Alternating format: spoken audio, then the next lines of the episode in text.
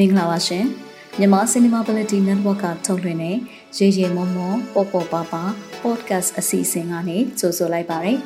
ဒီအစီအစဉ်ကမြန်မာလူမှုနယ်ပယ်မှာမတန်ဆွမ်းမှုအသိပညာတွေညှင့်တင်ပေးနိုင်ဖို့မတန်ဆွမ်းအတိုင်းဝန်ကဖြစ်ရက်ဆုံးဒဏ္ဍဆုံးကိုမတူညီတဲ့ရှုထောင့်ပေါင်းစုံကနေလွတ်လပ်ပွင့်လင်းတဲ့တွေးခေါ်ဆင်ခြင်နိုင်မှုတွေနဲ့မျှဝေလိုချသူတွေရဲ့အသံတွေကိုပြုစုပြောထောင်ဖော်ထုတ်ပေးနေခြင်းဖြစ်ပါတယ်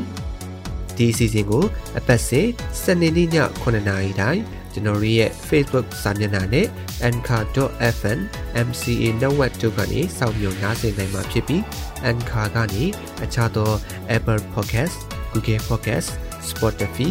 Breaker နဲ့ Radio Public တို့မှာအပြင် YouTube နဲ့ Telegram တို့မှာလည်း channel များကို subscribe လုပ်ပြီးနားထောင်နိုင်ကြောင်းပူစွာအသိပေးလိုပါတယ်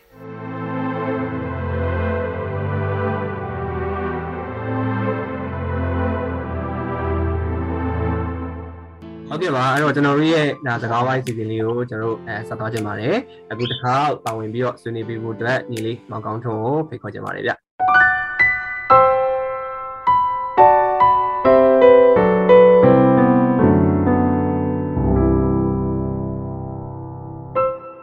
တဒနာဟုတ်တာပါမင်္ဂလာပါညီလေးဟုတ်ကဲ့မင်္ဂလာပါဟုတ် သားလေးကမောင်ကောင်းထွန်းပါဟုတ်ကျမကတော့သားလေးရဲ့မိမိတို့မိမိခိုင်ပါဆရာကျမတို့ရဲ့သားလေးကတော့စကားအပြောကတိတ်ပြီးတော့မကျွမ်းကျင်တဲ့ကြောင့်ကျမသားလေးကိုယ်ကခံစားချက်တွေကိုပြောပြခြင်းပါတယ်ဟုတ်ကဲ့ပါခင်ဗျာတောင်းရသည်မှာတော့လေ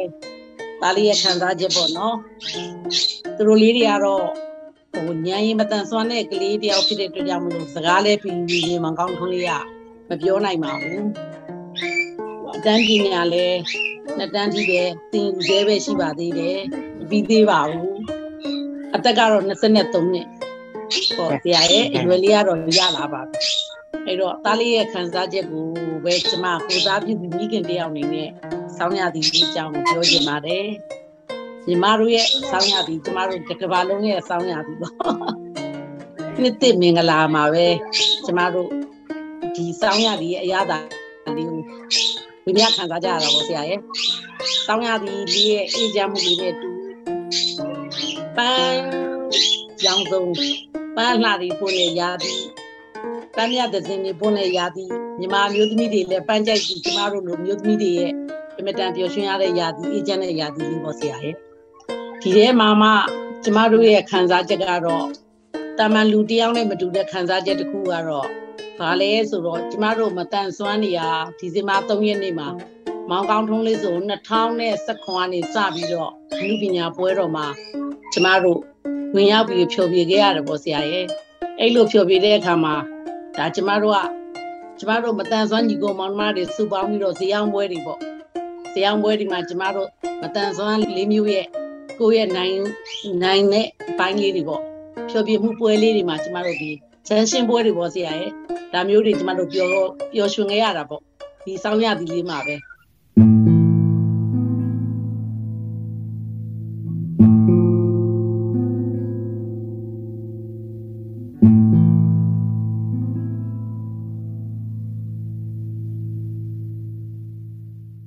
ရာသီတွေဘလောက်ပဲအေး2018 2019လားမသိစရာရဲ့နေပြီးတော့မှကျမတို့မတန်ဆွမ်းနေ ဆယ်နိုင်ငံပျော်ပြတဲ့အခါမှာကျမတို့မတန်ဆွမ်းသူတွေပါကြတဲ့ပွဲပေါ့ညာကြီးသူများနိုင်ငံတွေကဖြောပြီးကျမတို့မြန်မာနိုင်ငံမှာကောင်းထုံးတို့ရဲ့စီလုံးချင်းအတွက်တခြင်းတစ်ပုတ်ကိုဖြောပြီးတော့ဆောင်းရသည်ရလည်းဖြစ်အဲနောက်ဆုံး17နာရီမှလည်းဖြောပြရတာလည်းဖြစ်ဒီလောက်အေးနေကြပြီမဲ့ကျမတို့ရင်ထဲမှာကျမတို့ကလေးတွေနဲ့အတူကလေး20နဲ့ ကျမတို့တိုင်းသားကောက်ဖြောပြတဲ့ခါမှာကလေးတွေကလည်းပျော်နေကြတယ်ဖြောပြပြီးလို့ပြန်ကြတော့လေအေးနာပဲဆရာကြီးနေပြီးတော့မှအဲ့ဒီဆောင်ရသည်အေးတဲ့မှာမှာကျမတို့မှာချမ်းနေဆိုတဲ့စိတ်ကမခံစားမိဘူးပျော်ရွှင်ပြီးတော့ဖြောပြရတဲ့ခံစားမှုတွေနဲ့ကျမတို့စီပင်အိတ်တာကိုပြန်ရတာမှာပျော်ရွှင်တဲ့ခံစားချက်ပေါ့ဆရာရဲ့မတန်ဆွမ်းကလေးငယ်တွေရဲ့စောင်းရသည်ကျမတို့ဒီ ဖြောပြေပွဲတွေဒီစောင်းရသည်ရဲ့ရတာပေါ့ဆရာရဲ့ဒီလိုဟာတွေကိုလည်းကျမတို့ခံစားချင်ပါသေးတယ်ဟုတ်ကဲ့ပါခင်ဗျာဒီနေ့စောင်းရသည်မှာတော့ဒီလိုခံစားချက်တွေဖြောပြေပွဲတွေကိုကျမတို့ရဲ့ပြတ်သားခွင့်မရတာလေးတွေပျော်ရွှင်ခွင့်မရတာလေးတွေကိုပြန်လဲတန်းတာတာပေါ့ဆရာရဲ့ဟုတ်ကဲ့ပါခင်ဗျာအဲ့တော့ဆောင်းရသည်ရဲ့အေဂျင့်မှုနဲ့အတူကျမတို့အတန်ဆွမ်းနေရလဲ ဒီဖြောပြပွဲလေးတွေနဲ့ကိုတက်ဆွမ်းဒီလောက်ပေါ့ဆရာရဲ့တက်ဆွမ်းတဲ့ပညာလေးတွေနဲ့ကျမတို့ကလည်းအကျိုးပြုခြင်းပါသေးတယ်ပြီးတော့သူတို့ကလေးတွေပေါ့ဆရာရဲ့ကျမတို့မတန်ဆွမ်းသူအားလုံးပေါ့သူတို့ညာရင်မတန်တဲ့ကလေးဆိုတော့သူများလိုလဲတင်ယူရတာတွေကတော်တော်ခဲခဲရင်းတင်ရတယ်ဆရာရဲ့ကျမတို့ရဲ့ဒီမတန်ဆွမ်းသူတွေရဲ့ဒီအမှုပညာပွဲတော်ကြီးမှာဒီစောင်းရသည်မှာကျမတို့ရှင်ထဲမှာတော့ဒီစောင်းရသည်ဆိုလို့ရှိရင် နေပြီးတော့သွားပြီးတော့ကျမတို့ဇေယျအောင်ပွဲတွေသွားလိုက်ဂျန်ရှင်ဇေယျအောင်ပွဲတွေရဲ့ဖိတ်ခေါ်မှုတွေမှာကျမတို့ဝင်ရောက်ဖြောပြလိုက်ပေါ့နော်ဒါတွေကကျမတို့ရဲ့စောင်းရသည်ရဲ့ကျမတို့စောင်းရသည်မှာကျမတို့ရဲ့လှုပ်ရှားမှုကို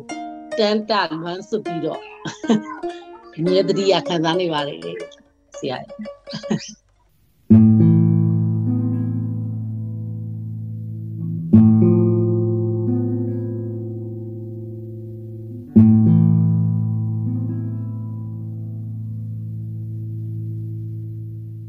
ကြီးဟုတ်ကဲ့ပါခင်ဗျာအဲ့တော့အခုအချိန်မှာ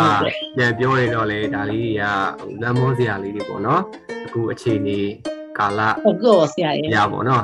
ဟုတ်ကဲ့ပါခင်ဗျာအဲ့တော့အာမောင်ကောင်းတို့ဆိုလို့ရှိရင်လေဟုတ်ကဲ့ပါခင်ဗျာအဲ့တော့ကျွန်တော်မောင်ကောင်းတို့လေးနဲ့ဆိုလို့ရှိရင်လေဒါကျွန်တော်တို့လူပညာပွဲတော်တွေမှာဟိုကျွန်တော်ကိုယ်တိုင်လည်းစုံခဲ့ဘူးရပေါ့နော်ဟိုကျွန်တော်တို့ရောက်လျှောက်လေးဟုတ်ကဲ့အကောင့်ထုံးလေးကရာတွေကိုလည်းဒါကျွန်တော်တို့အရန်ဟုတ် ကျွန်တော်ကိုယ်တိုင်ဆိုလည်းအရန်ကြိုက်တယ်ပေါ့နော်အားပေးဖြစ်တယ်ဟုတ်ကျောင်းညီလေးလေဟုတ်ကဲ့ပါဟုတ်အာအဲ့တော့အခုအော်ညီလေးကလည်းပေါ့နော်အခုဒီအကအမှုပညာတွေတင်မဟုတ်ဘဲနဲ့ကျွန်တော်ဒီဒီတာဘက်မှာအာဒီစောင်းတင်းတင်နေတယ်လို့လည်းကျွန်တော်ဟို ကြားရတယ်ပေါ့နော်သိရတယ်ပေါ့နော်အဲ့တော့ဟုတ်ကဲ့ဆရာကျွန်တော်ကိုယ်တိုင်လည်းအခုအခြေအနေရညီလေးနဲ့တော့မစုံဖြစ်သေးတော့လေဒါညီလေးတီးတာတွေကိုတော့ကျွန်တော်ကျွန်တော်ကိုယ်တိုင်လည်းမဖြစ်သေးဘူးပေါ့နော်နောက်တော့ဖြစ်သေးဘူးဆိုတော့အဲအခုဒီစီစဉ်လေးမှာကြုံတုံးလေးပေါ့နော်ဒါညီလေးအနေနဲ့အဲတချင်းလေးကျွန်တော်ဘိုက်လောက်ပဲဖြစ်ဖြစ်ပေါ့နော်ကျွန်တော်ဒီကနောက်တော့ဆင်နေတဲ့ဆင်တွေကိုနည်းနည်းလေးတီးပြီးတော့များဖြောပြပေးနိုင်မလားခင်ဗျဟုတ်ကဲ့ဖြုတ်ပြီးပြပါမယ်ရှင့်အမားယွန်းလေးရှိရင်လည်းခွင့်လွှတ်ပေးပါဆရာ ဟုတ်ကဲ့ပါခင်ဗျကဲအဲ့ဆိုရင်သောတာရှင်တို့ကအခုဒါညီလေးမောင်ကောင်းထွန်းရဲ့ဒါဗမာဆောင်းလက်တန်လေးကိုနားဆင်ခံစားမှာပဲဖြစ်ပါတယ်ခင်ဗျ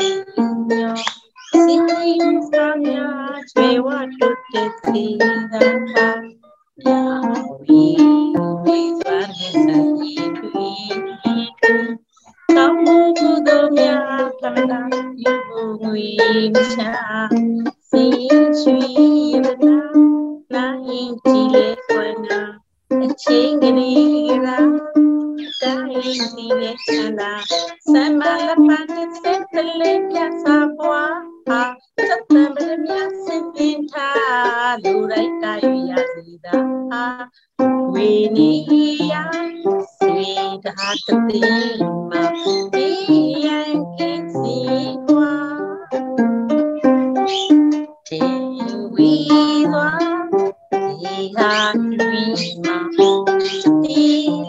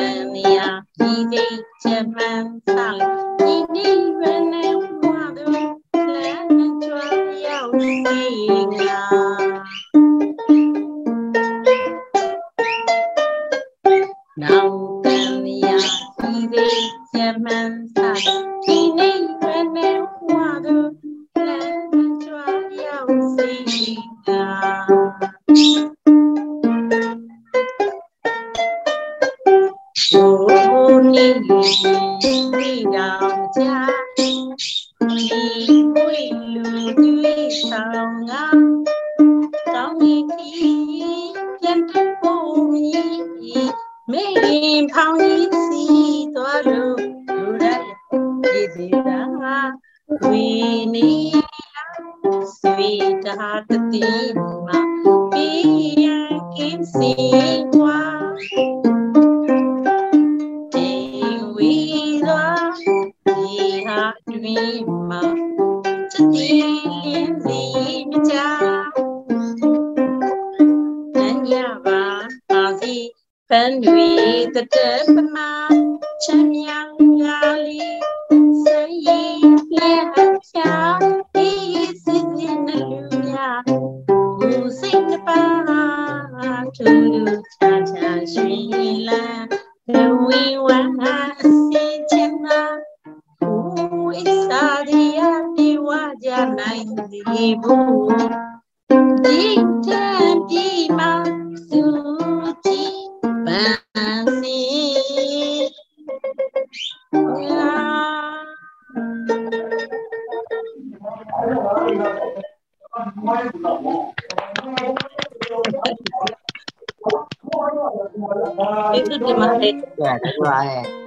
အာဟုတ်ကဲ့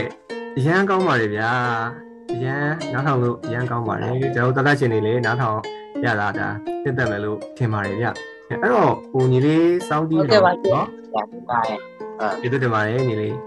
အဲ့တော့ညီလေးစောင်းတီးတာကိုနားထောင်ရင်းနေပေါ့နော်ကျွန်တော်အရင်ကကြားဘူးတဲ့စကားပေါ့နော်ဒီဂီတနဲ့ပတ်သက်ပြီးတော့ပေါ့နော်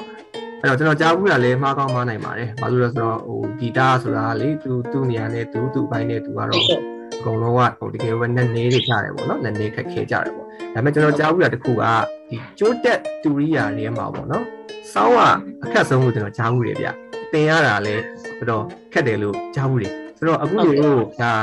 ညီလေးလို့ပေါ့နော်ညီလေးမောင်ကောင်းထုံးလို့ဒါညင်မတန်ဆွမ်းဒါဒီတယောက်ကနေပြီးတော့မှာပေါ့နော်ဒီစောင်းကိုအခုလိုမျိုးဗျဟိုတကယ်ကိုကျန်းကျန်းကျင်ကျင်ဒီခက်ပြသွားတာပေါ့နော်တကယ်ညီလေးရဲ့စူးစမ်းအားထုတ်မှုကိုလည်းအာကြီးလဲကြီးကျူးတယ်လေးလဲလေးစားပါတယ်ပြီးတော့ ဒီညီလေးကိုဝိုင်းပြီးတော့တန်ဖိုးကြရဲပေါ့နော်ဒီဖေဖေတွေမေမေတွေဒီလိုမောင်နှမတွေမိသားစုတွေအားလုံးကိုလည်းကျွန်တော်တကယ်ပဲလေးစားပါတယ်ဒီလိုလဲပြင်ပါတယ်လို့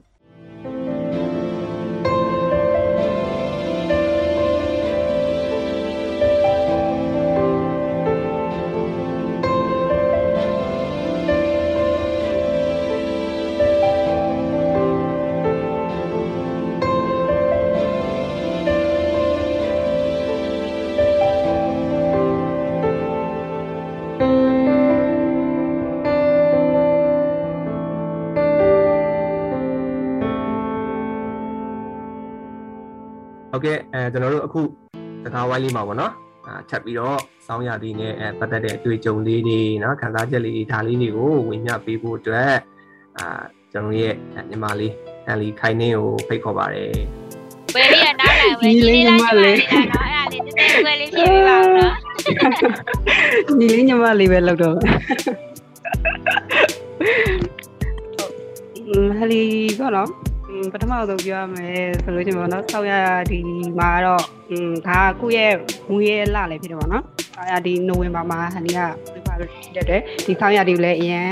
ချိန်နေတက်တယ်ပေါ့နော်ဆောက်ရဒီအမတ်တရပြောရမယ်ဆိုလို့ချင်းတော့ဘယ်လိုပြောလဲကျောင်းနေတုန်းကတော့တိတ်ပြီးမှအမတ်တရတော့တိတ်မရှိတော့ပေါ့နော်ဟိုနေမှာတော့ကတိတ်ပြီးအမတ်တရမရှိဘူးဒီရန်ကုန်ရောက်ကမှပဲဘယ်လိုပြောမလဲအမတ်တရ အာဘယ်လိုလဲအများကြီးရှိရပါတော့ပြောလို့မကုန်တဲ့အမတ်တရားလေးပေါ့အလွဲလေးနေပေါ့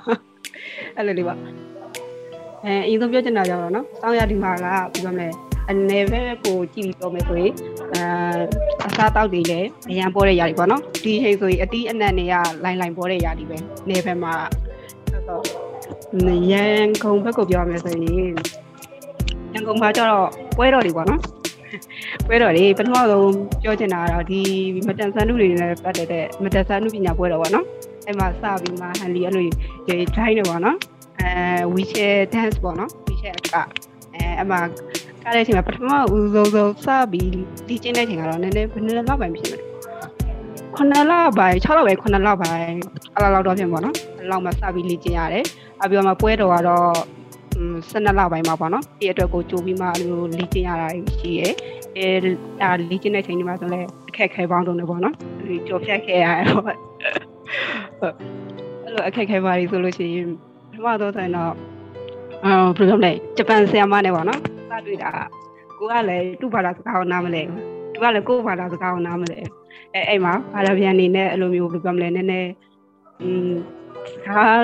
စကားအဲ့လိုမျိုးပေါ့နော်အဲသူပြောတာကိုနားမလဲကိုပြောတာသူနားမလဲနဲ့ပဲအဲ့လိုနဲ့ပဲသူနဲ့လက်တွဲလိုက်တာဘယ်လောက်လောက်ဖြစ်တော့လဲဆိုတော့อืม3 3နှစ်လောက်တော့ဖြစ်မယ်နော်ကိုကြီးအဲ့လောက်လောက်တော့သွားမယ်ထင်တယ်အဲ့လိုလေနော်မိကီနဲ့လေလေးတို့3နှစ်လောက်တော့သွားမယ်။ဒါပြန်နောက်ပိုင်းမှာကျတော့နောက်ပိုင်းနှစ်တွေကျတော့ကိုရီဖာနဲ့ကိုရီပဲအဲကိုရီဝီချဲ group နဲ့ပဲအဲတယောက်နဲ့တယောက်ဟိုလိုမျိုးအကလေး play ချရင်လည်းအဲ့လိုပဲလေ့ကျင့်ဖြစ်ကြရပါတော့။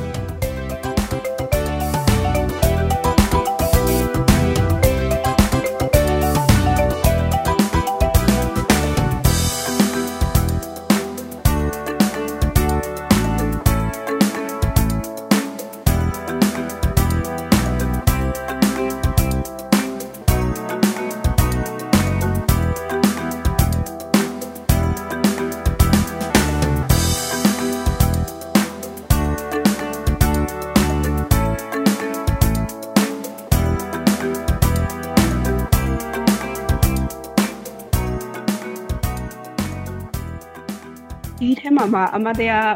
အဖြစ်ဆုံးပြောမယ်ဆိုရင်တော့နေပွဲပေါ့နော်မကူကြီးမကူကြီးပွဲလာမသိတော့ကြမကူကြီးပွဲသွားတဲ့အချိန်မှာအဲ့ထဲမှာဘယ်လိုပြောမလဲနေရာကားကားတရားနဲ့နေရာမားချကြပါတော့ဟလီတို့လမ်းဘေးမှာကြီးချခဲ့ဘယ်လဲအမနကေကကိုရီစီးရမယ့်နေရာကိုလည်းကိုရီးယားရောက်သွားတယ်လမ်းညွန်တဲ့လူကလည်းတမျိုးလမ်းညွန်တယ်ကိုရီးယားလည်းတစ်ခါမှမရောက်ဘူးတဲ့လူတွေဆိုတော့ဘယ်လဲကားဆရာကြီးချပြီးခဲ့တဲ့နေရာမှာချပြီးခဲ့ အဲ့ဆိုတော့အကုန်လုံးအင်တာလီမှာပေါ့နော်3ယောက်4ယောက်ပေါ့နော်4ယောက်လုံးလမ်းမေးနားမှာလေးတို့တုံလေးထိုင်းပြီးစောင့်နေကြပါတော့ကားကားလာကျိုးတဲ့အချိန်လေးဟုတ်အဲ့လေးကတော့ဒီဆောင်းရဒီမှာပေါ့နော်အမတ်တရတစ်ခုပါဟုတ်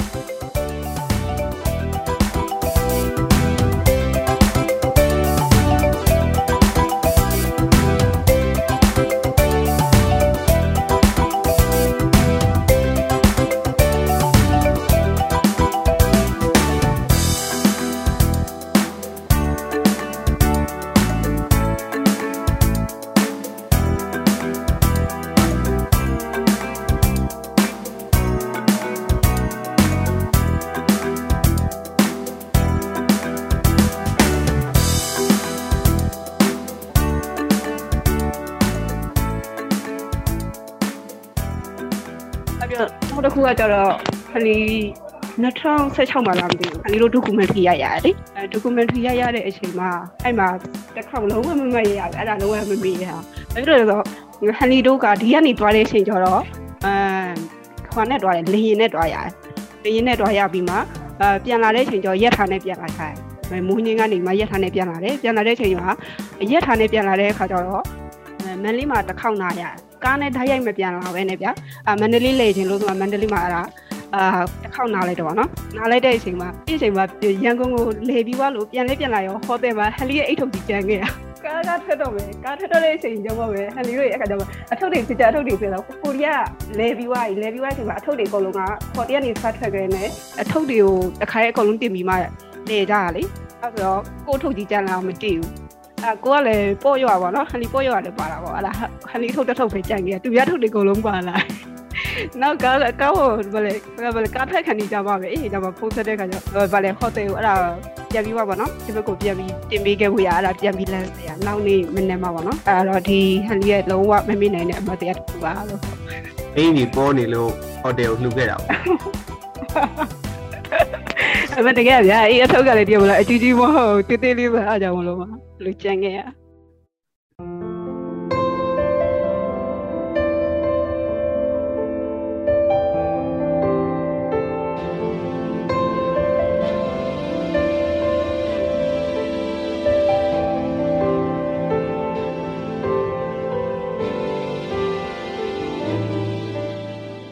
ဲ့တော့ဟန်လီပြောသွားတယ်လို့ပဲပေါ့နော်ဒီဒါဟန်လီက wheelchair အကအဖွဲ့ဝင်တူဖြစ်ပါတယ် အဲ့တော့ဟုတ်ပါတယ်အဲ့တော့ကျွန်တော်တို့မြန်မာနိုင်ငံမှာဒီ2014ခုနှစ်မှာပေါ့နော်မြန်မာနိုင်ငံကဒီအာဆီယံအိမ်ရှင်ဖြစ်ဒါလက်ခံတဲ့အခါမှာလက်ခံပြီးတော့ဒါပွဲတော်တွေကျင်းပကြတဲ့အခါမှာကျွန်တော်တို့အာဆီယံမတန်ဆွမ်းသူများလူပညာပွဲတော်ဆိုတာကိုလည်းကျင်းပနိုင်ခဲ့ပါတယ်မြန်မာနိုင်ငံမတန်ဆွမ်းသူများရှေ့ဆောင်ပွဲရဲ့ဥဆောင်မှုနဲ့တူတူပေါ့နော်ကျွန်တော် အာဆီယံမတန်ဆွမ်းသူများလူပညာပွဲတော်ကိုစတင်ကျင်းပနိုင်ခဲ့တယ်ပေါ့နော်အဲ့တော့အဲ့ဒီနှစ်မှာပဲကျွန်တော်တို့ရဲ့မြန်မာနိုင်ငံမှာပထမဦးဆုံးသော wheelchair အကအဖွဲ့ကိုဖွဲ့စည်းနိုင်ခဲ့တယ်ပေါ့နော်အဲ့တော့ကြော်ညာဝင်ရရင်အဲ့ဖွဲ့ထဲမှာကျွန်တော်လည်းပါဝင်ခဲ့ပူပါတယ်ဒီချိန်ထိလည်းဒါဟိုကျွန်တော်တို့အကနဲ့ဒါပတ်သက်တယ်ပေါ့နော်ဒီပညာလုပ်ငန်းတွေကိုလုပ်ဆောင်နေစေဖြစ်ပါတယ်ပေါ့နော်အဲ့တော့ဒါဟန်လီကလည်းအဲ့ဒီကဖွဲ့ဝင်တစ်ယောက်ဖြစ်တယ်ပေါ့နော်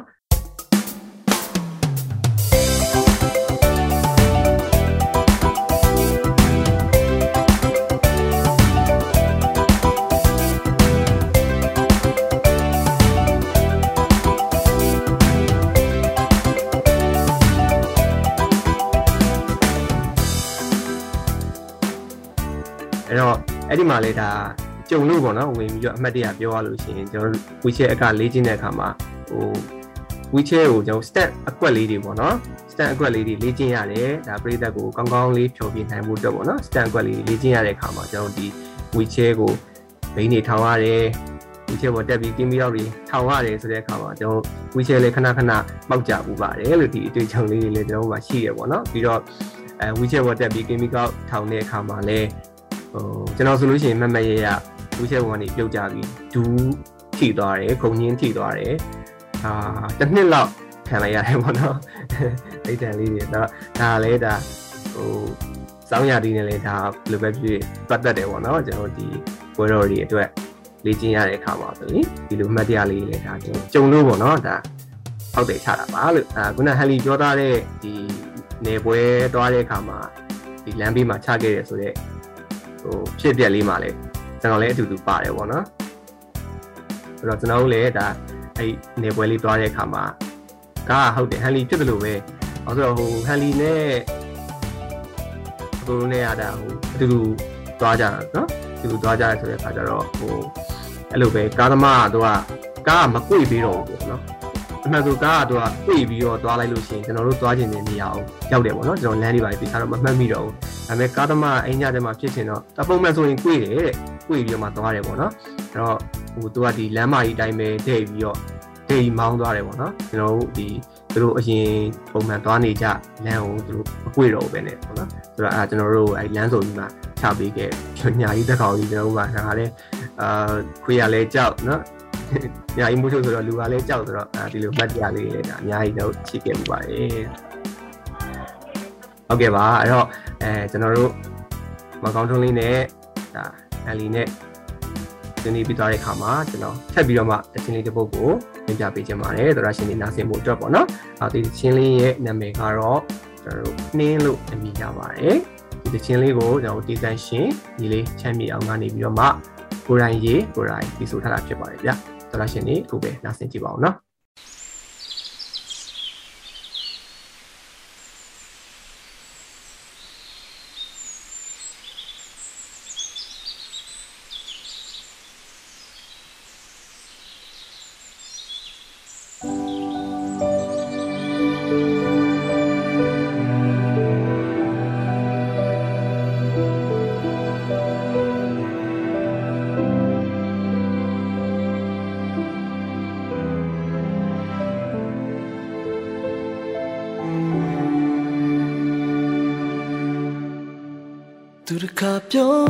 လိုက်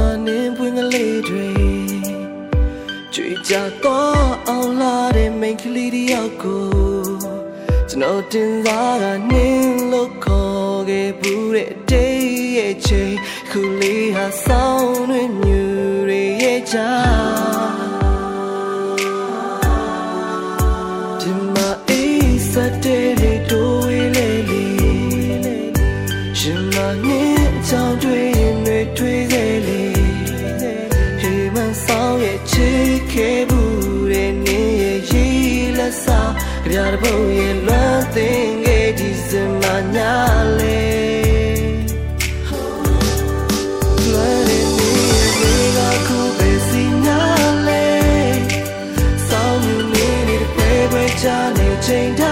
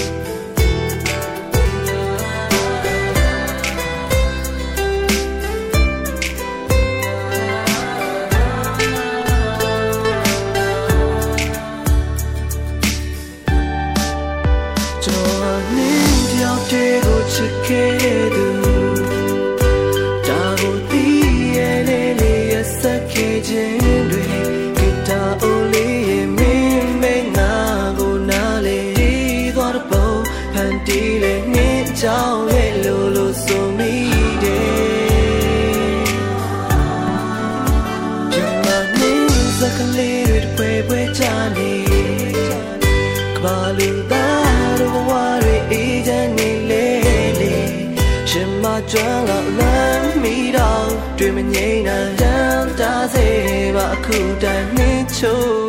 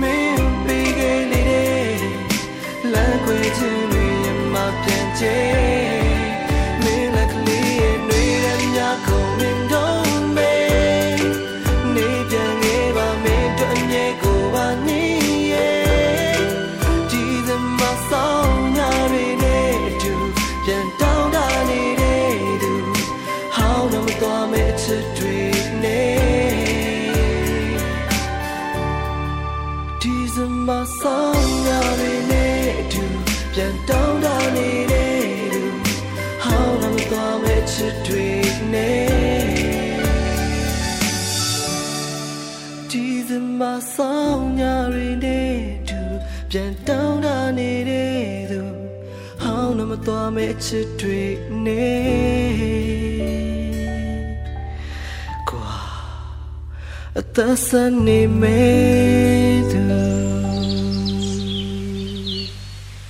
အဲကျွန်တော်တို့ရဲ့စကားဝိုင်းလေးကလည်းဘာဖြစ်လို့ပေါ့နော်နိုင်ဆိုင်ဆိုင်နဲ့တော်တော်လေးကိုခီးရောက်နေပြီအဲ့တော့ဆွေးနွေးချက်တွေလည်းတော်တော်လေးပြည့်စုံနေပြီကျွန်တော်တို့သချင်းတွေလည်းနားဆင်ကြရပြီးပြီဆိုတော့ဒါသရရှင်တွေအနေနဲ့ကလည်းခန်းစားမှုဒါရတ္တတွေပေါ့နော်မျိုးစုံဖြစ်နေကြမယ်လို့ထင်ပါတယ်ဗျအခုထပ်ပြီးတော့မှလည်းကျွန်တော်ရဲ့စီစဉ်လေးမှာထပ်ပြီးတော့ production တွေအတွက်ပေါ့နော်ခန်းစားချက်နောက်တစ်မျိုးကို ထပ်ပြီးပေးတဲ့အနေနဲ့ပေါ့နော်ကျွန်တော်ဒီထဲမှာရှိနေတဲ့ဒီပုံမောင်နှမတွေနဲ့တူတူကျွန်တော်တို့ game လေး full out ဆွဲကြပါတယ်ခင်ဗျာအဲ့တော့အာဒီ game လေးကတော့ကျွန်တော်တို့မိကုန်းလေးတွေမေးတဲ့ game လေးပဲဖြစ်ပါတယ်အဲ့တော့ကျွန်တော်ကအခုဒီမှာမိကုန်းလေးတွေစီစဉ်ထားတယ်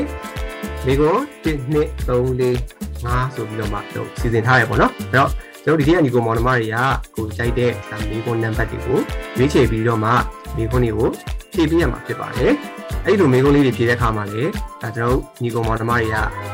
ဖြည့်ခြင်းလည်းဖြည့်လို့ရတယ်ဟုတ်တယ်မဖြည့်ခြင်းဆိုလည်းရတယ်ဒါပေမဲ့မဖြည့်ခြင်းဆိုရင်တော့ကျွန်တော်ကခုစီကလေးမှာအတန်နဲ့ပတ်သက်တဲ့ challenge လေးတစ်ခုကိုဒါလုပ်ပြပေးရမှာဖြစ်ပါတယ်ဗျ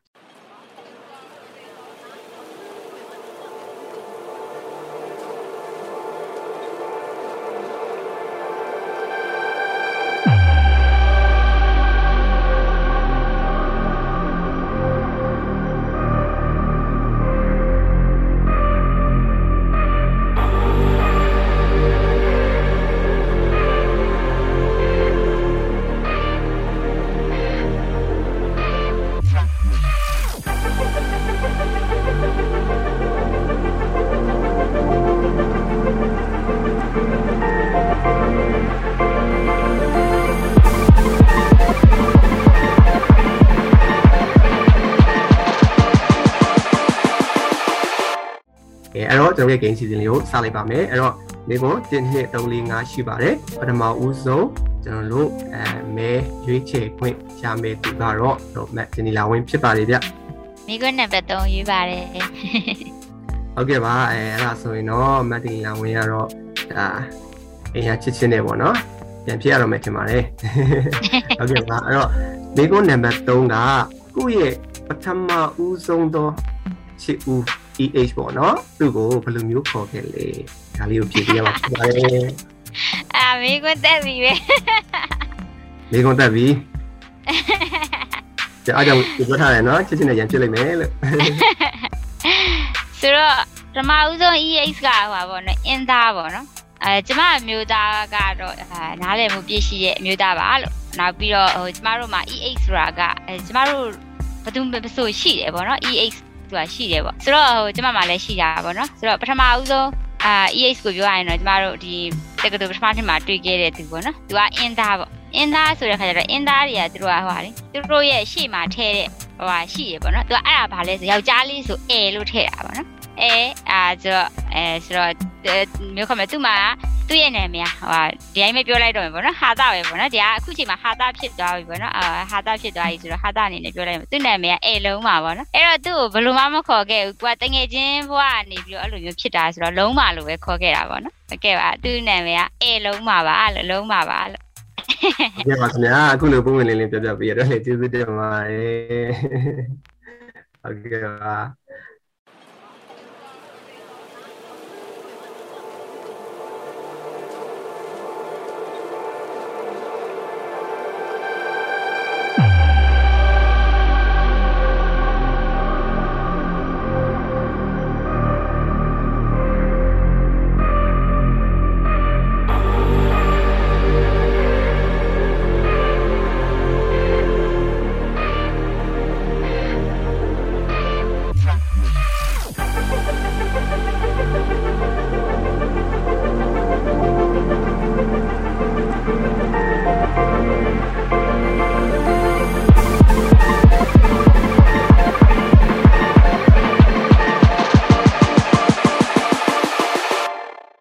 တော်တို့ game ဆော့တဲ့အစီအစဉ်မှာလက်ထားတဲ့သူကတော့ကျွန်တော်ညီလေးမောင်ကောင်းထုံးမဲ့ဖြစ်ပါတယ်အဲ့တော့ညီလေးကိုကိုကအာမိကုန်းလေးတစ်ခုကိုကမေးမယ်ပေါ့နော်မိကုန်းလေးတစ်ခုမေးမယ်အဲ့မိကုန်းကိုညီလေးကဖြည့်ခြင်းလဲဖြည့်လို့ရတယ်ဖြည့်ခြင်းလဲဖြည့်လို့ရတယ်နော်မဖြည့်ခြင်းဆိုလည်းရတယ်ကျွန်တော်သားမဖြည့်ခြင်းဘူးညီလေးမဖြည့်ခြင်းဘူးဆိုလည်းရတယ်ဒါပေမဲ့မဖြည့်ဘူးဆိုလို့ရှိရင်တော့ဒါကအဲညီလေးကအခုကိုဟို ညီလေးလောက်တက်တဲ့ဟိုနောက်ထပ်ဟိုဘယ်လိုပြောမလဲစွမ်းရည်တစ်ခုပေါ့နော်ဥမာဟိုခုနစောင်းတီးပြပြီးသွားပြီဆိုတော့ဒါစောင်းတီးတာမဟုတ်တဲ့နောက်တစ်ခုပေါ့နော်နောက်တစ်ခုကိုဒါလုပ်ပြမယ်ဒါပေမဲ့ဒီမှာအကိုတို့ကအဲအတန်နဲ့ပဲတင်ဆက်နေတဲ့အစီအစဉ်ဖြစ်တဲ့ခါကျတော့ညီလေးကအတန်နဲ့လုပ်ပြရတဲ့ဟိုအရေးချင်းမျိုးပေါ့နော်တဲလန်မျိုးပေါ့အဲဒါမျိုးလေးလုပ်ပြရင်တော့ပို့ပြီးတော့အဆင်ပြေတယ်အဲ့တော့အကိုအခုမိကုန်းလေးမေးမယ် ဖြေမယ်ဆိုရင်လည်းဖြေလို့ရတယ်မဖြေဘူးဆိုရင်လည်းအခုခုနပြောသလိုအတန်နဲ့ပတ်သက်ပြီးတော့မှတစ်ခုခုလေးပြောပေးပေါ့နော်ဟုတ်ပြီအဲအဲ့တော့ဟုတ်ကဲ့ကဲဟုတ်ကဲ့ပါအဲ့တော့အခုမေးမယ်နော်အခုမေးတဲ့မေးခွန်းကအာညခက်ကောင်းခက်ပါလိမ့်မယ်အဲ့တော့အာညီလေးရဲ့မိသားစုရှိရပေါ့နော်မိသားစုရှိတယ်အဲ့ဒီမိသားစုထဲမှာမှသူ့ကိုအချစ်ဆုံးလဲကဲမိသားစုကြီးအားလုံးရဲ့ရှေ့မှာမေးလိုက်ပါပြီဟုတ်ကဲ့ဘသူ့ကိုအချစ်ဆုံးလဲ မမအမအမမမတူတယ်မတူတယ်ဟုတ်ကဲ့ဟောဒါသူရဲ့အဲ့ဒါဖြေတယ်ပေါ့နော်မမကိုချစ်ဆုံးပေါ့အဲ့တော့ဖေဖေမေမေတို့ကရိုက်တော့မှာပဲအင်းရခေါ်ရိုက်တော့မှာပဲဟမ်ဟမ်ပြီးပြီအဲ့လိုဖြစ်တယ်ပါအင်းအဲအားလုံးချစ်တာဟုတ်ကဲ့ပါအာအာညီလေးမကောင်းဆုံးကတော့ဒါအတိရှိရှိနဲ့နော် ကျွန်တော်ရဲ့မိကုန်းကိုဖြည့်သွားပါတယ်ဟုတ်ကဲ့ကျေးဇူးတင်ပါတယ်ညီဟုတ်ကဲ့ဟုတ်ကဲ့အဒီလာလာပါအဲအားလုံးကျေးဇူးတင်ပါတယ်အဲ့လိုဖြစ်သွားရဲ့တဒါ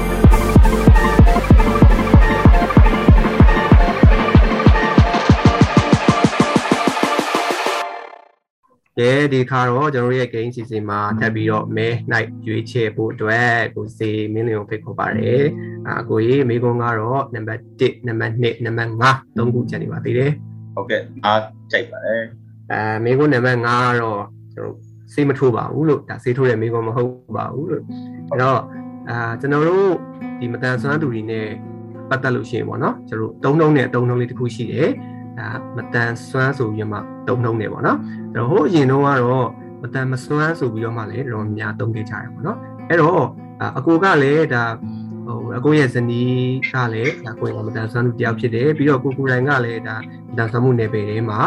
ဟိုအလုံးလုံးနေတဲ့လူတယောက်ဖြစ်တယ်ဆိုတဲ့အခါကျတော့လေအော်ကိုကိုရိုင်းကအရင်တုန်းကပေါ့နော်မတန်မဆွမ်းဆိုတဲ့စကားလုံးကိုသုံးခဲ့ဘူးလားပေါ့အာပြီးတော့ဒီမတန်ဆွမ်းဆိုတဲ့စကားလုံးကိုရောဘယ်အချိန်ကနေစပြီးတော့မှ ဟိုပြောင်းလဲပြီးတော့တုံ့နှုံဖြစ်သွားတာလေပေါ့နော်ဒီမိကုန်းလေးကိုဖြည့်ပြရမှာဖြစ်ပါတယ်ဟုတ်ကဲ့ဟုတ်ဒီမတန်ဆွမ်းမတန်မဆွမ်းဆိုတဲ့စကားလုံးနဲ့ပတ်သက်တော့အဲခုပြည့်မိတဲ့အဲပထမဆုံးတစ်ချက်ပေါ့နော်ပထမဆုံးတစ်ချက်ကတော့အရင်တော့ကျွန်တော်သုံးလုံးပြစ်ခဲ့သလားဆိုတော့ဟိုကျွန်တော်ကဒီနယ်ပယ်နဲ့ပြောမယ်ဆိုအရင်တော့ဟိုမနီးစက်ခဲ့ပါဘူးကျွန်တော်ဒီဝေးတယ်ပေါ့နော်ကျွန်တော်မနီးစက်ခဲ့ဘူးအဲ တစ်ခုတော့ရှိတယ်အရင်တော့ကတော့ကျွန်တော်ဝန်ကြီးခန္ဓာတွေမှာမတန်ဆွမ်းမတန်မဆွမ်းကြောင်းလို့ဟိုမတန်မဆွမ်းကြီးဟာလို့အဲ့လိုမျိုးကြီးရေးသားသုံးလုံးသားတော့ရှိခဲ့တယ်ပေါ့နော်ဟိုတစ်ချိန်ကပေါ့နော်အဲ့ဒီကိုအချိန်ကြီးမျိုးမှာတော့ဒါဩအဲ့ဆိုင်ဘုတ်ကိုဖတ်ပြီးတော့ဩဒါမတန်မဆွမ်းကြောင်းပဲဆိုပြီးတော့အဲ့လိုမျိုးတော့ဟိုနော်ဒါကိုမှတ်သားခဲ့ပြီးတော့နော်အဲဟိုကိုအနေနဲ့ဟိုမတန်ဆွမ်းသူတွေနဲ့ ပြည်မှုဆက်ဆက်မှုမရှိတဲ့ချိန်ကျတော့အဲ့လိုတယောက်နဲ့တယောက်အဲ့လိုမျိုးသုံးလုံးခဲ့ဘူးတော့မရှိဘူးအဲ့လိုမျိုးဟိုဟိုဆိုင်းဘုတ်တွေဖတ်ခဲ့ဘူးတာတော့ရှိပါဟုတ်အဲနောက်တစ်ခုကကျတော့ဒီမတန်ဆွမ်းဆိုတော့ဘယ်လိုကနေဘယ်ချင်းကျွန်တော်စပြီးဘယ်လိုနားလဲလဲဆိုတော့ဒါကတော့အဓိကပြောရတော့ကျွန်တော်အမျိုးသမီးနဲ့ကျွန်တော်စတွေ့မှာပေါ့နော်ကျွန်တော်အမျိုးသမီးနဲ့ကျွန်တော်စတွေ့မှာဆိုတော့ ဟိုသူကတော့ဟိုဘောနော်ကျွန်တော်နဲ့အိမ်အောင်ပြုနေဆိုတော့သူကတော့ကျွန်တော်သူ့ဒီခံတဲ့ပတ်သက်ပြီးကျွန်တော်ကိုဟဟိုပြောပြတယ် awareness ပေးတာပေါ့နော် awareness ပေးတော့ဟိုသူပြောပြတဲ့အဲ့ဟောငါတို့တွေဒီမတန်မစွမ်းမဟုတ်ဘူးငါတို့ကမတန်ဘူးဟုတ်တာမှန်တယ်ဒါပေမဲ့ငါတို့တွေစွမ်းကြတယ်သူ့နယ်ပယ်နဲ့သူသူ့နေရာနဲ့သူ့ခန္ဓာနဲ့အတီးတီးစွမ်းကြတယ်ဆိုတဲ့အားမျိုးဟိုကျွန်တော်ဟို awareness ပေးတယ်ပေါ့နော်ဟုတ်ဒါဟုတ်ကျွန်တော်လက်ခံတယ်ဟို ဘယ်လိုပြောမလဲချက်ချင်းပဲဟိုကျွန်တော်လက်ခံတယ်ဟိုလက်ခံပြီးတော့အဲပြောမှဆိုတော့ကျွန်တော်အမျိုးသမီးကတော့အဲ့ချိန်တော့အေးရဟိုဂျပန်မှာသူကနော်စတန်ဒါဒီဘယ်လိုပြောမလဲ instructor လုံနေတဲ့အချိန်ဆိုတော့ကျွန်တော်တွားပြီးတော့တွေ့တဲ့အချိန်မှာဟိုကျွန်တော်အနေနဲ့ပို့ပြီးတော့ကိုကိုအဲ့တော့တော့ရီစားပေါ့နော်ဟိုကိုရီစားထက်ပို့တဲ့မတန်စွမ်းမှုမျိုးမျိုးကိုကျွန်တော်တွေ့ရတယ်ပေါ့နော် အဲအစုံပါပဲတန်စွမ်းမှုအစုံပဲအဲပြီးတော့ဒီဒီအိမ်မှာလည်းဒီတန်စွမ်းမှုအလိုက်ဟိုဟိုလှုပ်လို့ရတယ်တင်လို့ရတယ်ဟိုပညာရက်တွေကိုဟိုပဲချားပြီးတော့တင်ပေးနေတာပေါ့နော်အဲ့ဒါတွေကိုကျွန်တော်တွေးကြရတဲ့အချိန်ကျတော့ကျွန်တော်မျိုးသမီးကျွန်တော် awareness ပေးတယ်မတန်ဘူးမှန်တယ်ဒါပေမဲ့စွမ်းတယ်ဆိုတော့သူ့နေရာနဲ့သူလှုပ်ရင်သူ့နေရာနဲ့သူအောင်မြင်မှုဆိုတာ ဖြစ်နိုင်တယ်ဆိုတဲ့အခါမျိုးပေါ့နော်ကျွန်တော်တန်စွမ်းသူဆိုရင်လည်းဟိုအပြင်မှာအလုပ်လုပ်နေရတဲ့အချိန်မှာကုမ္ပဏီကိုရှောက်ဒီရှောက်ရှောက်နေရတဲ့အချိန်မျိုးမှာလည်းဟိုဘယ်လိုပြောမလဲကြိုးကြိုးစားစားနဲ့လုပ်နေရတာပါပဲဒါပေမဲ့အဲ့ချိန်မှာမှကျွန်တော်ကျွန်တော်ရဲ့ capacity ဘယ်လောက်ထိရှိလဲဆိုအဲ့တင်နန်းကျောင်းကမတန်စွမ်းသူတွေလောက်ကျွန်တော် capacity ရှိဘူးမှန်တိုင်းပြောရရင်မရှိဘူးဆိုတာသူတို့တွေကွန်ပျူတာတင်နန်းတွေတက်ကြတယ်ကွန်ပျူတာတွေတက်ကြတယ်ဟိုဆက်ချုပ်တင်နန်းတွေတက်တယ်ဆက်ချုပ်တွေတက်ကြတယ် ပြီးတော့ဒီစန္ဒတင်နန်းတွေတက်တယ်စန္ဒပညာတက်တယ်ပေါ့နော်ပြီးရင်သူတို့တွေကတကယ်လုပ်ငန်းခွင်နဲ့တဲတော့တကယ်ဝင်သွားတော့ပေါ့နော်ပြောမှဆိုတော့ဟိုစွမ်းတယ်စွမ်းတယ်ဆိုတာကျွန်တော်အခုဟိုဟိုလက်မှုပညာတစ်ခုတက်လာဒီဒီကျွန်တော်ကျွန်တော်မတက်ပါဘူးကျွန်တော်သပင်လည်းမညက်တော့ဘူးကျွန်တော်ဆက်လည်းမချိုးတတ်ဘူးเนาะကျွန်တော်မျိုးနီးရင်ကျွန်တော်စီးပွားမရှာတတ်ပါဘူးလို့အားကြောင့်မို့လို့ မတန်တော့လဲစွမ်းတယ်ဆိုတာကျွန်တော်မျိုးနီးနဲ့တွေ့မှသိခဲ့တာအဲ့ဒါကိုဟိုအဲ့လိုမျိုးမတန်စွမ်းတဲ့ပြင်မှာကြောက်တဲ့အချိန်မှာပို့ပြီးသိပါတယ်ဟုတ်ကဲ့ကျေးဇူးတင်ပါတယ်ဟုတ်ကဲ့ခင်ဗျာကျေးဇူးတင်ပါတယ်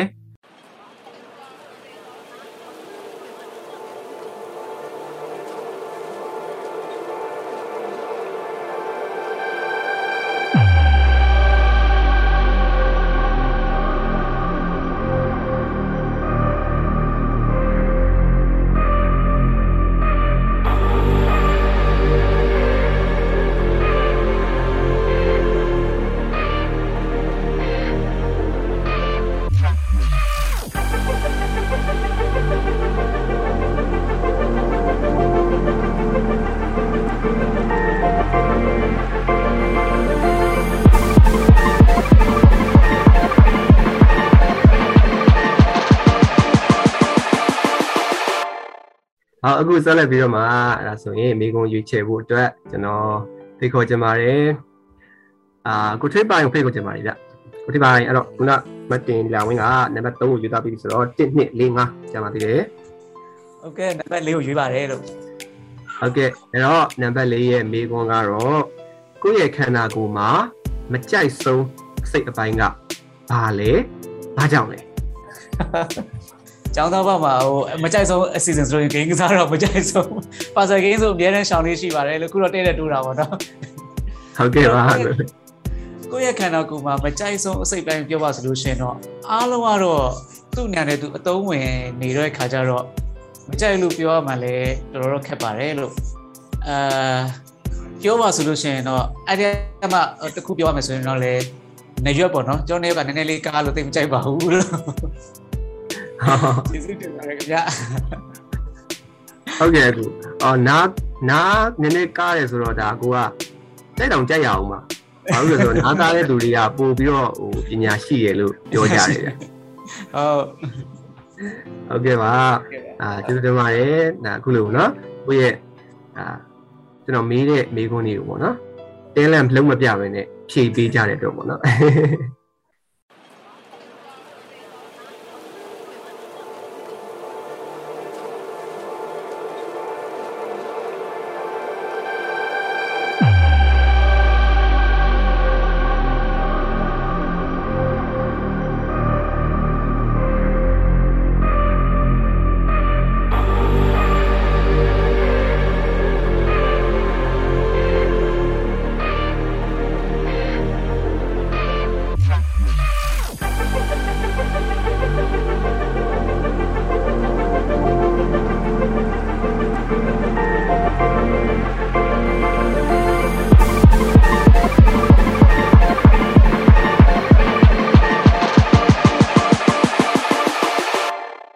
အခုဒါနောက်ဆုံးပေါ့နော်မိကိုရွေးချယ်ရမယ်မဟန်လီခိုင်လေးအနဲ့ရောက်လာပါပြီโอเคအဲ့တော့ဟန်လီမိကိုလေးရွေးပေးပါအောင်နော် တစ်ဖက်ပြန်လိုက်ပဲကော โอเคပါအဲ့တော့မိကိုနံပါတ်1ကိုရွေးချယ်လိုက်တဲ့အတွက်ကြောင့်မလို့မိကိုနံပါတ်1ကမိကိုကတော့လူခွဲရရောက်ရင်တဲ့လုပ်လေးရှိတဲ့အကျင့်လေးတစ်ခုပြောပြပေးပါ နော်အဲလူကွဲရကိုတရားလေးရှိနေတဲ့အချိန်ပေါ့နော်အဲ့ဒီအချိန်မှာလုပ်လေးရှိတဲ့အကျင့်လေးတစ်ခုပြောပြပေးပါဟောခုပြီကျွန်တော်ကျွန်တော်မထွက်သေးဘူးနော်ကျွန်တော်ကျွန်တော်နားနားထောင်ရတယ်ကိုရတယ်အင်းတယ်လို့လုပ်လို့ရတယ်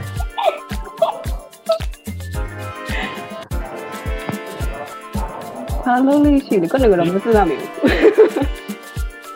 လားလူကိုရင်ဘာလို့တက်လဲလူတယောက်တည်းရှိတဲ့အချိန်ပေါ့နော်လူကွဲရကိုတယောက်တည်းရှိနေတဲ့အချိန်ဆိုရင်တဲ့လုပ်လေးရှိတဲ့အကျင့်လေးတစ်ခုပေါ့ပြောမဆိုလူမသိအောင်လုပ်တဲ့အကျင့်လေးတစ်ခုပေါ့နော်စမ်းပါဘာဘာစဉ်းစားအောင်မယ်ဆိုတော့မေးဖို့ဖြေမယ်ပေါ့မလုပ်တယ်မန်တော့လေတကယ်တော့ကျွန်တော်တို့လူကွဲရမှာဆိုရင်ဒါလုပ်လေးရှိတဲ့အကျင့်ဒီအများကြီးရှိပါတယ်တော့ကျွန်တော်တို့ဆိုလည်းအာဟုတ်ကဲ့ပါအဲ့တော့ ဒီကရော ဆယ်မိနစ်ကြည့်လားတစ်ခုချပါနော်အလုံးမှာဆိုတော့တယောက်တည်းကြည့်ရချင်းဆိုတော့ CCTV ကိုရှောင်ပြီးမှမဟုတ်ပါဘူးလေ ခုခိုးစားတာပေါ့ မဟုတ်ဆိုတော့ရုံးမှာအခုမှဖွင့်ပြ ပေါ်လိုက်ပေါ်လာပြီโอเคပါအဲ့တော့ဟယ်လီရဲ့နော်လူမသိအောင်လုပ်တဲ့ကျင့်ရတော့ရုံးမှာမဟုတ်ခိုးစားတာဖြစ်ပါတယ်ဟယ်လီရဲ့လုပ်ဖို့ဆောင်ပဲများသတိထားကြပါ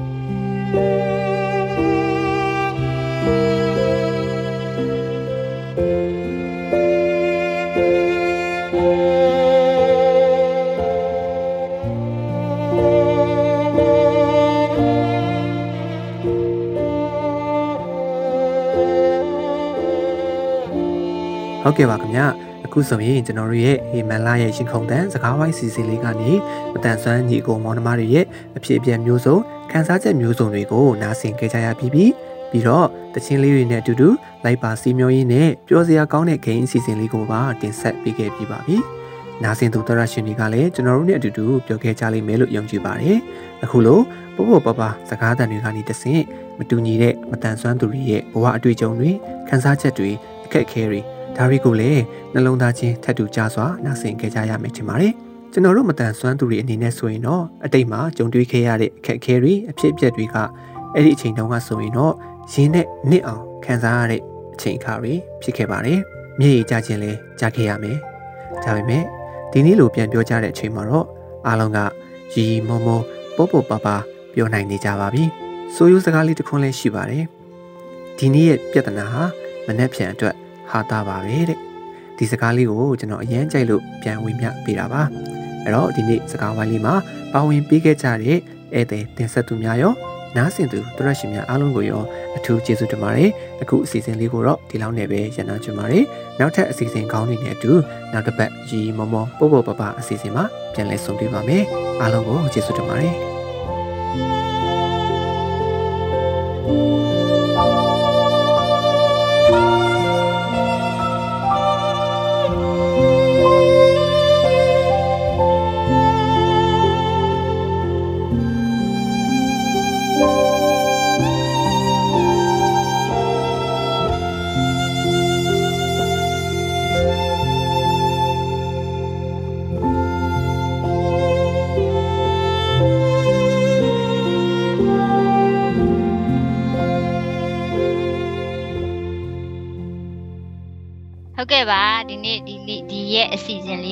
ပါဝင်ခွင့်ရတဲ့အတွက်လည်းကျေးဇူးတင်ပါတယ်လို့ဘာဖြစ်လို့လဲဆိုကျမတို့ဒီတိုင်းဆိုလို့ရှိရင်ကျမတို့တွေကအမှတ်တရတွေအများကြီးရှိပေမဲ့ဟိုတကူးတကဆိုတာမပြောပြကြဘူးပေါ့နော်ဆိုတော့ဒီလိုမျိုးလေးဟိုအမှတ်တရတွေဒီကြည်နူးစရာလေးတွေဒီလိုရင်ခုန်စရာလေးတွေကိုပြန်တန်းတာခွင့်ရတဲ့အတွက်လည်းဟိုကျေးဇူးတင်ပါတယ်လို့အာဒီအစီအစဉ်လေးတွေကဟို ဘာပဲဖြစ်ဖြစ်ကျမတို့မတန်ဆွမ်းနေအတွက်ဒစိတ်တစ်ပိုင်းပဲဖြစ်ဖြစ်ပေါ့နော်အပြည့်အဝပဲဖြစ်ဖြစ်ခွန်အားတွေနောက်ပြီးတော့ဒီကြည်နူးမှုတွေပျော်ရွှင်မှုတွေဒီလိုမျိုးပေါ့နော်မျှဝေဟိုခံစားခွင့်ရတဲ့အခါမှာသူတို့လည်းမျှဝေခံစားရလိမ့်မယ်လို့ကျမယုံကြည်ရပေါ့နော်အားကြောင့်လည်းဒီလိုအစီအစဉ်လေးတွေလုပ်ပြီးတဲ့အမနဲ့ကိုပြည့်ကိုလည်းတကယ်ကိုပဲကျေးဇူးတင်ပါတယ်လို့အာဘာဖြစ်ဟို မျိုးခေါ်မလဲဒီလိုအစီအစဉ်လေးတွေလုပ်ပြီးခြင်းအပြင်ကျမတို့မတန်ဆန်းသူတွေမှာဘယ်လိုခံစားချက်တွေရှိလဲကျမတို့မတန်ဆန်းသူတွေဟာလည်းဘယ်လိုခံစားတတ်လဲဆိုတာကိုကျမတို့တီးတက်တခြားသူတွေကိုပြပြစရာမလိုပဲဒီအစီအစဉ်လေးကိုနားထောင်မယ်ဆိုလို့ရှိရင်ကျမတို့မတန်ဆန်းသူတွေရဲ့ကိုယ်ပိုင်ခံစားချက်တွေကိုယ်ပိုင်ပျော်ရွှင်မှုတွေကိုအားလုံးကနားလည်လက်ခံလာလိမ့်မယ်လို့ယုံကြည်ပါတယ်အားလုံးကိုကျေးဇူးတင်ပါတယ်ရှင်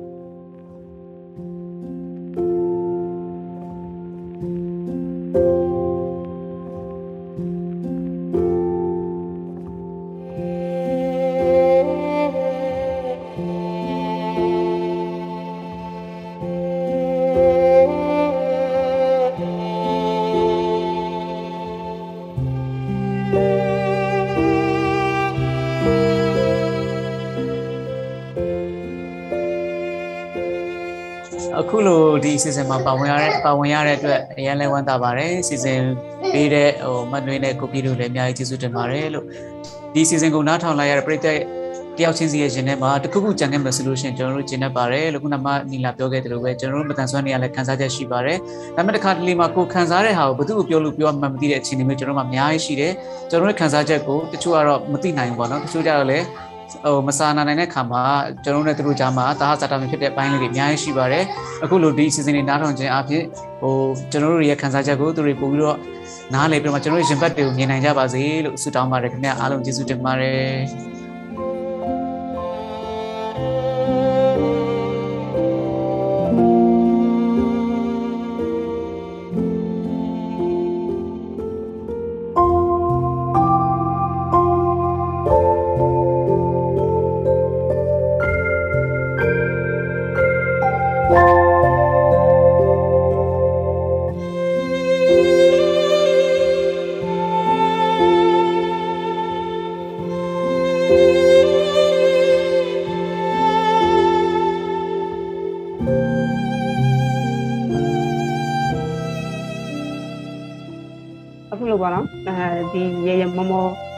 ဆိုနေမှာပေါ့နော်အခုလိုပြောပြော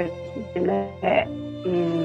ဘယ်လိုလဲမတန်ဆန်းလူတွေဘယ်လိုဘယ်လိုပြောမလဲပွဲတော်မှာပေါ့နော်ဟောဒီခေရတဲ့ဟာလေးတွေတန်ပြီး share လုပ်ပေးရတဲ့အတွက်လည်းအဲဝမ်းသာပါတယ်လို့ဟုတ်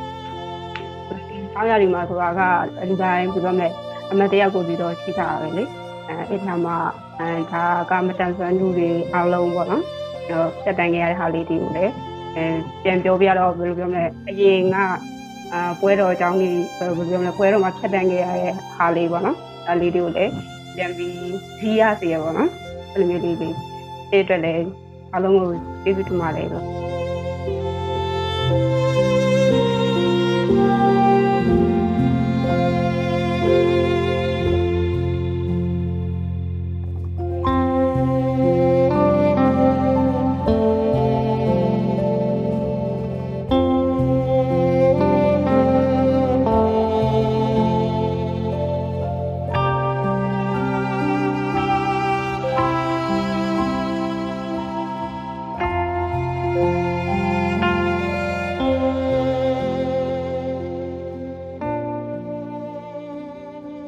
ဟုတ်ပြီခင်ဗျာအခု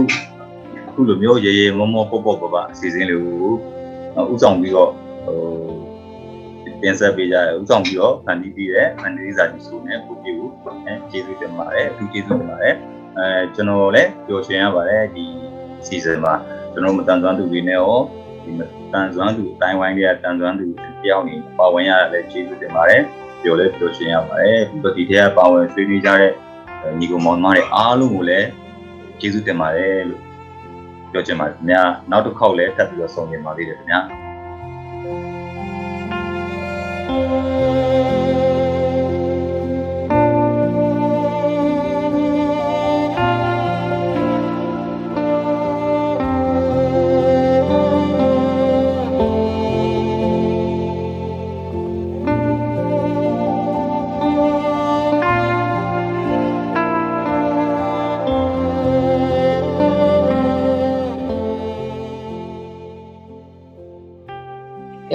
ကျေးဇူးတင်ပါတယ်ဆရာဒါဟုတ်ကဲ့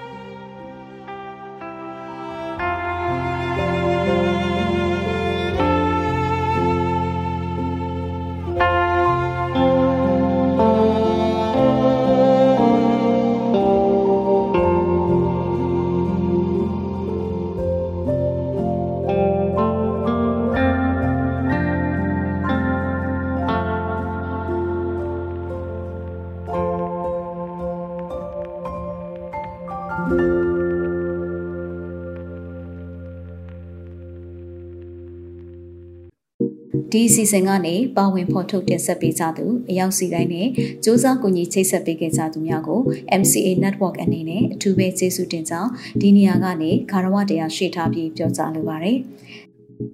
ယခုအစီအစဉ်ကိုမိတ်ဆွေတို့အနေနဲ့အစအဆုံးနားထောင်ပြီးပြီဆိုရင်တော့မိမိတို့ရဲ့သဘောထားမှတ်ချက်များကို Anchor မှာအတန်နဲ့စာနှမျိုးလုံးနဲ့ဖြစ်စေ Facebook မှာစာနဲ့ဓပုံနှမျိုးလုံးနဲ့ဖြစ်စေပေးနိုင်ပါပြီနော် ဒီအစီအစဉ်နဲ့ပတ်သက်ပြီးမိတ်ဆွေတို့ရဲ့မှတ်ချက်ပေးခြင်းအကြံဉာဏ်ပေးခြင်းမေးမြန်းခြင်းတို့ကိုလည်းအထူးပဲဖိတ်ခေါ်ပါရစေမိမိတို့ရဲ့ပူပေါင်းတင်ဆက်မှုအတွက်ဒါမှမဟုတ်စုံစမ်းမေးမြန်းမှုအတွက်စိတ်ဝင်စားတဲ့ဆိုရင်တော့မြန်မာ cinemaability@gmail.com ဒါမှမဟုတ်တင်ဆက်သူများရဲ့ Viber နံပါတ်များဖြစ်တဲ့ကိုပြည့်39 26 125 6493နဲ့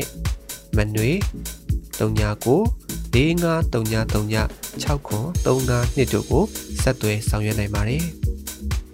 မိတ်ဆွေတို့အနေနဲ့ဒီစီစဉ်ကိုမတိသေးသူများတည်ဖို့လိုအပ်နေသူများအတန်ဆွမ်းရေးကိုမိမိတို့ရဲ့လုပ်ငန်းခွင်အသီးသီးမှာထည့်သွင်းဆောင်ရွက်ဖို့စိတ်ဝင်စားသူမိသူကိုမဆိုထပ်ဆင့်ဝင်မျှပေးရင်သတင်းကောင်းပေးနိုင်ပါတယ်မြန်မာပြည်သူပြည်သားများအားလုံးမတန်ဆွမ်းမှုအသိပညာတွေတိုးပွားကခွဲခြားဆက်ဆံမှုကင်းပြီး အားလုံးအကျုံးဝင်တဲ့လူမှုအတိုင်းအဝန်တစ်ခုကိုအမြန်ဆုံးဖော်ဆောင်နိုင်ပါစေလို့ဆန္ဒပြုရင်းဒီကနေ့အစီအစဉ်ကိုဒီမှာရန်နာပါရစေ။တောတာရှင်အားလုံးနေ့ရက်အသက်တိုင်းမှာကောင်းစည်းမင်္ဂလာပေါင်းများစွာရယူပိုင်ဆိုင်နိုင်ပါစေလို့လည်းကျွန်မကဆုတောင်းမြတ်တာပို့တာအပ်ပါတယ်။နောက်ပတ်စနေနေ့ည9:00နာရီမှာပြန်ဆောင်ကြရအောင်နော်။